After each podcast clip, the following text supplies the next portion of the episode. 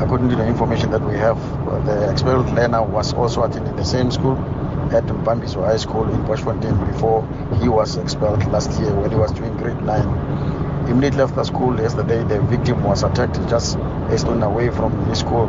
When the police attended the scene, the deceased was found in the pool of blood with a stab wound on his chest.